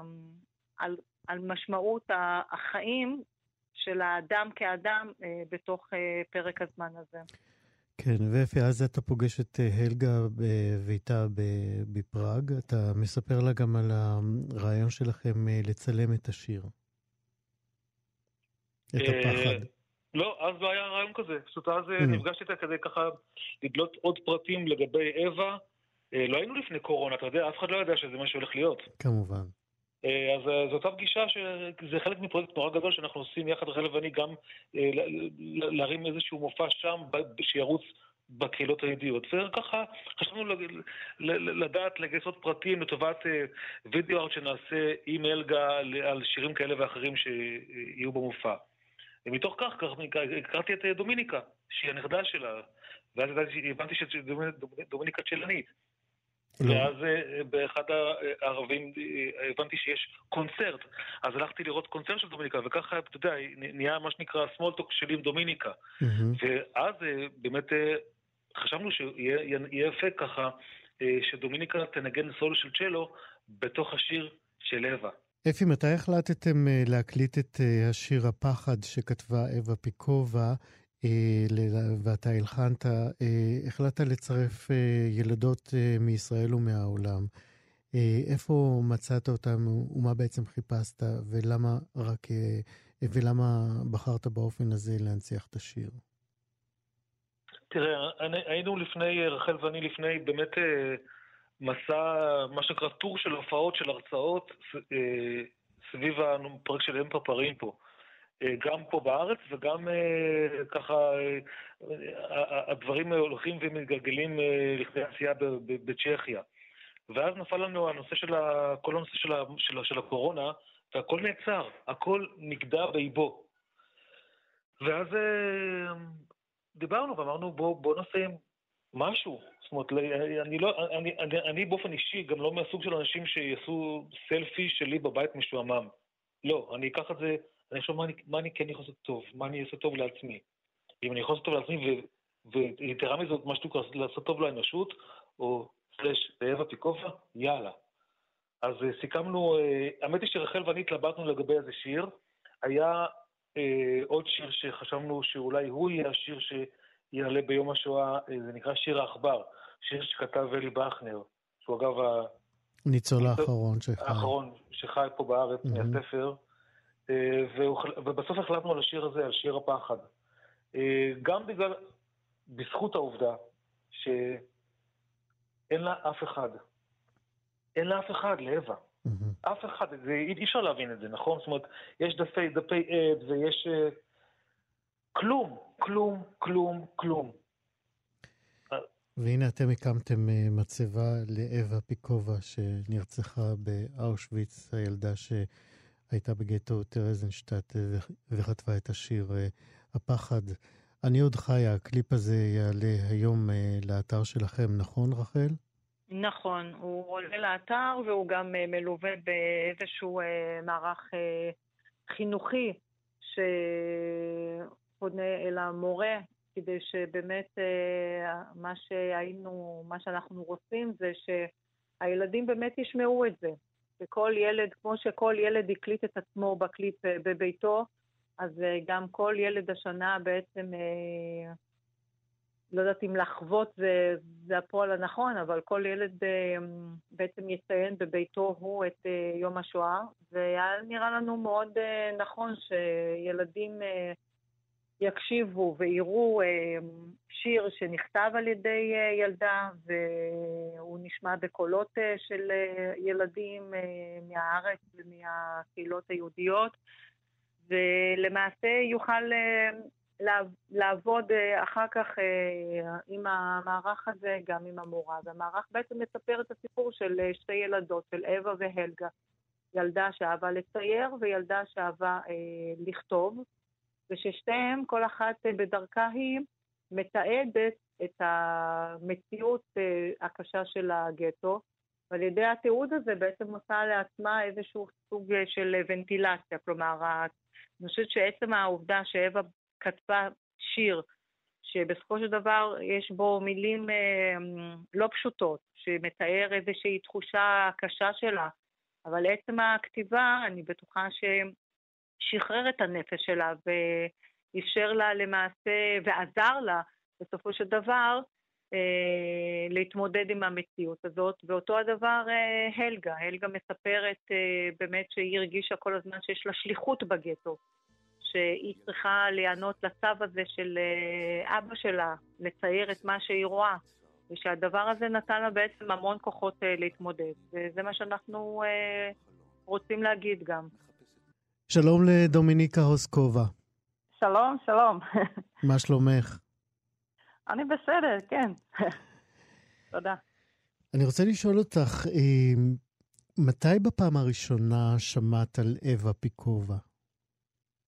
אה, זה לא הרבה זמן, כי אנחנו עכשיו, אה, היום כבר דיברנו עם סבתא שלי, אבל זה, קיבלתי הודעה מאפי שושני. הוא כתב את המוזיקה אה, של לשיר לאווה פיקובה. נכון. ואני, אם אני רוצה להשתתף בפרויקט הזה, אז... אה, ולנגן בשיר של אווה פיקובה. אז זו הפעם הראשונה ש, אה, ששמעתי את השם שלה, אבל לפני זה אז נפגשנו בסוף אה, השנה הקודמת בפראג, דיברנו אה, גם עם סבתא שלי, הלגה. מה סיפרה לך, אה, מה סיפרה לך סבתא הלגה על אה, אווה, החברה שלה מחדר 24? אז כן, אז אה, אפי שאל אם, הלגה אולי הכירה את אווה, אז כן, היא הכירה אותה כי הם היו באותו חדר בטרזין, בחדר 24, ואווה ישנה בקוולץ, או קוולק, איך אומרים בעברית, לא, לא יודעת זה, איך זה נכון, המיטה מיטה ב... ב- בטרזין. מיטת קומתיים, מיטה ליד אה, כן. מיטה, כן. אז כן, ובקוולץ מול מקום שישנה סבתא שלי. אז אה, היא הייתה ב... אה, אווה היה- הייתה באמצע, והיו שם אה, שלוש מיטות זה מעל זה. אז אה, אווה, אה, אווה פיקובה הייתה שם, והייתה לה שיער שחור, עיניים כחולות, והיא הייתה מאוד שקטה. אז אה, הם, הן לא היו כל כך קרובות אה, עם סבתא שלי, אבל זה היה אה, 33 בנות באותו חדר, אז מהמם. הן היו ביחד ככה. דיברת עם אה. סבתא שלך, עם סבתא הלגה, דיברת על אה, אותם ימים בגטו עם אה, 33 כן. בנות. מה סבתא סיפרה לך? אה, אז אני, אני בקשר גם עם חברות של, אה, כשהיו שם בטרזין, אז אה, עדיין אנחנו מדברים והן הן מכיר, מכירות אותי כי אני מנגנת ואני צ'לנית, אז אה, הן, הן אה, הול- הולכות לקונצרטים שלי, מהמם. אז אה, אני גם מדברת איתם. אה, ו... אה, אמ, אמ, מה, מה עוד להגיד? אז אה, סבתא שלי ציירה ציורים בטרזין. ושהם היום מפורסמים זה מטרזין, והיא גם כתבה יומן שם בטרזין, מהמם. שעכשיו תורגם ל-15 שפות, בעברית עדיין לא, אה, אבל זה, זה יקרה אולי. איפה למדת ו- עברית, אה, דומיניקה? אני, אני כן, אני אה, אה, למדתי, התחלתי באולפן בפראג, ואחר כך אני עליתי לארץ לפני 12 שנים, מהמם. ובינתיים אנחנו בפראג, אז חזרנו בגלל הלימודים ו... וזה, אז למדתי ב... באקדמיה למוזיקה בירושלים גם. כשסיימתי בפ... אה, לימודים בפראג, אז אה, ככה. תגידי, וכשאפי הזמין אותך אה, לנגן בשיר הפחד, בשיר שכתבה אווה, כן. נענית מיד? הסכמת מיד? אה, כן, אז קיבלת, קיבלתי תווים, אה, וכן, אז קראתי בטח את השיר, אה, וכן, אז אה, היינו ב- בקשר עם, עם אפי. כן. איך סבתא הגיבה כשהיא שמעה את השיר ואת, ואותך מנגנת בצ'לו את הקטע שכתבו לך? אז אה, לא ראיתי אותה, אבל בטח אני חושבת שאולי אולי היא בכה, או... בכתה, כן. כך. Mm. היא אמרה לך שהיא אני, בכתה? אני לא יכולה להגיד, אבל אולי כן, כי זה... אמ, הכל, מה שהיה, אז זה, זה עכשיו, וביום השואה אז אה, מזכירים את זה, אז אה, כן, זה, אולי זה חזק בשבילה. את הרגשת שאת מנגנת גם בשביל סבתא? אה, כן, אז אה, אבא, אבא שלי גם הוא צ'לן, ואנחנו מנגנים ביחד. אז אה, בשביל סבתא זה, זה, זה חזק. אבל יש דבר עוד אחד שאני אה, הזכרתי עכשיו, כן. שדיברתי אה, עם, עם הלגה, עם סבתא שלי היום, והיא דיברה עם אווה מרובה. אווה מרובה היא גם חברה של מיטרזין, אבל היא הייתה בחדר 28, והיא גם זוכרת את אווה פיקובה, והיא סיפרה לנו שהיא הייתה איתה באושוויץ אחר כך, ואפילו ראתה אותה במחנה הריכוז שטודהוף, ואווה נהרגה אולי שם, אבל בדרך כלל כותבים שהיא נהרגה באושוויץ. אז זה דבר אחד שלא ידעתי לפני, ויש עוד דבר שלא ידעתי, שאווה פיקובה הייתה לה אחות קטנה, אה, שם שלה היה זדניצ'קה, והיא הייתה רק ארבע או חמש, בת חמ... ארבע או חמש כשנהרגה.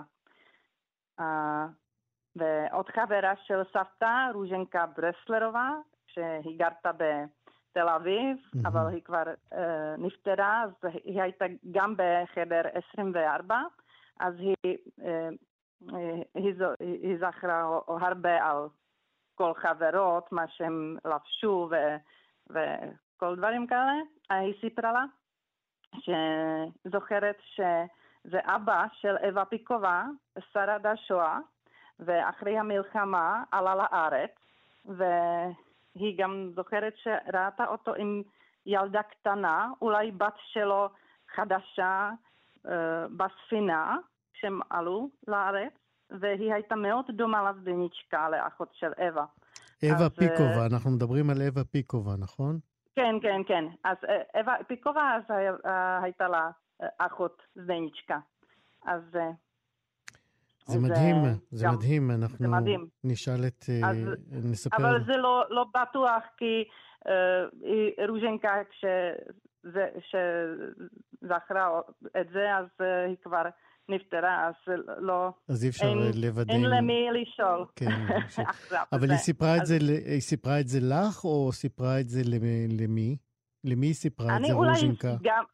רוז'ינקה סיפרה זה לסבתא שלי, להלגה, וגם אוקיי. ל- גם לאווה מרובה, החברה אה, האחרת. כן. הבנתי. דומיניקה אוסקובה, אני מאוד מאוד מודה לך שסיפרת לנו גם על אה, סבתא הלגה וגם על אה, החלק שלך אה, בשיר הפחד שכתבה אווה פיקובה. תודה רבה לך. תודה, תודה. להתראות. ביי. להתראות. אפי, כן. אתה שומע את אה, דומיניקה? אה, ממש בזמן אמת אה, יש טוויסט בעלילת חייה של אווה פיקובה.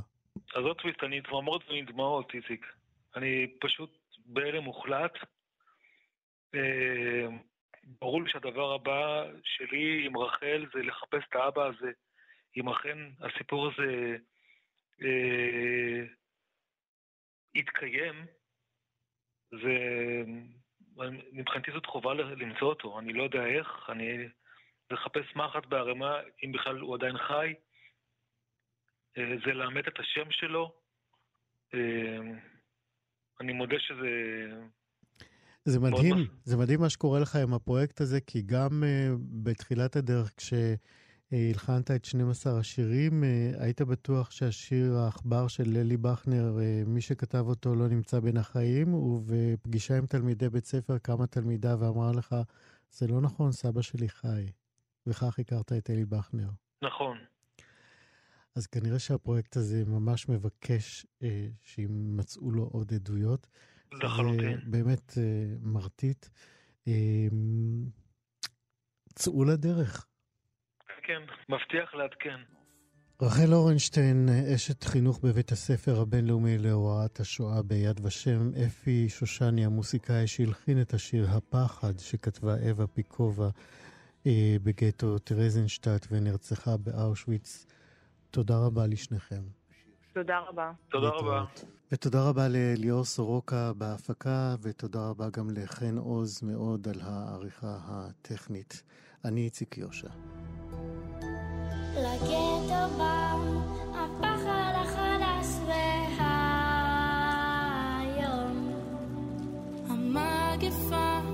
אשר פשטה בינינו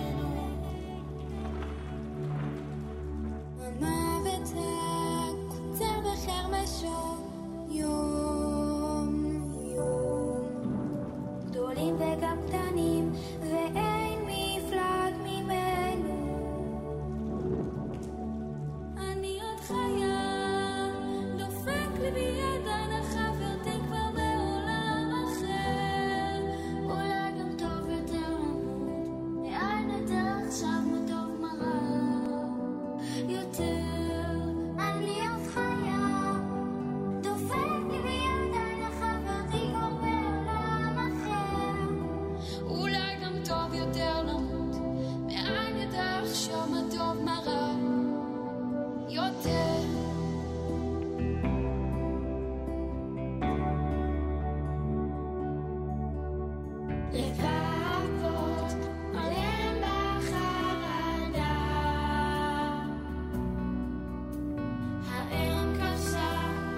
never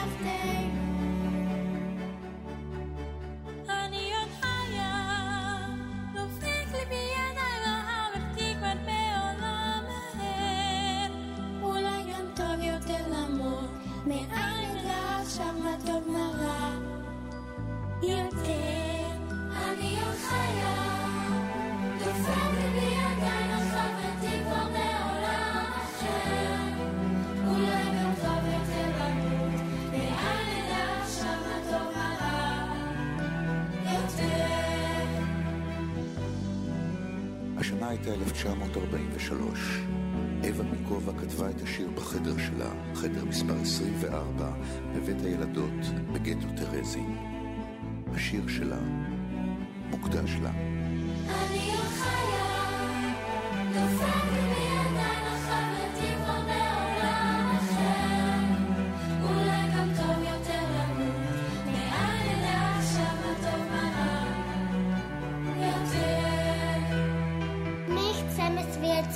מחפשים עוד שנקר. אנחנו עוד צריכים עולם אחר לבנות.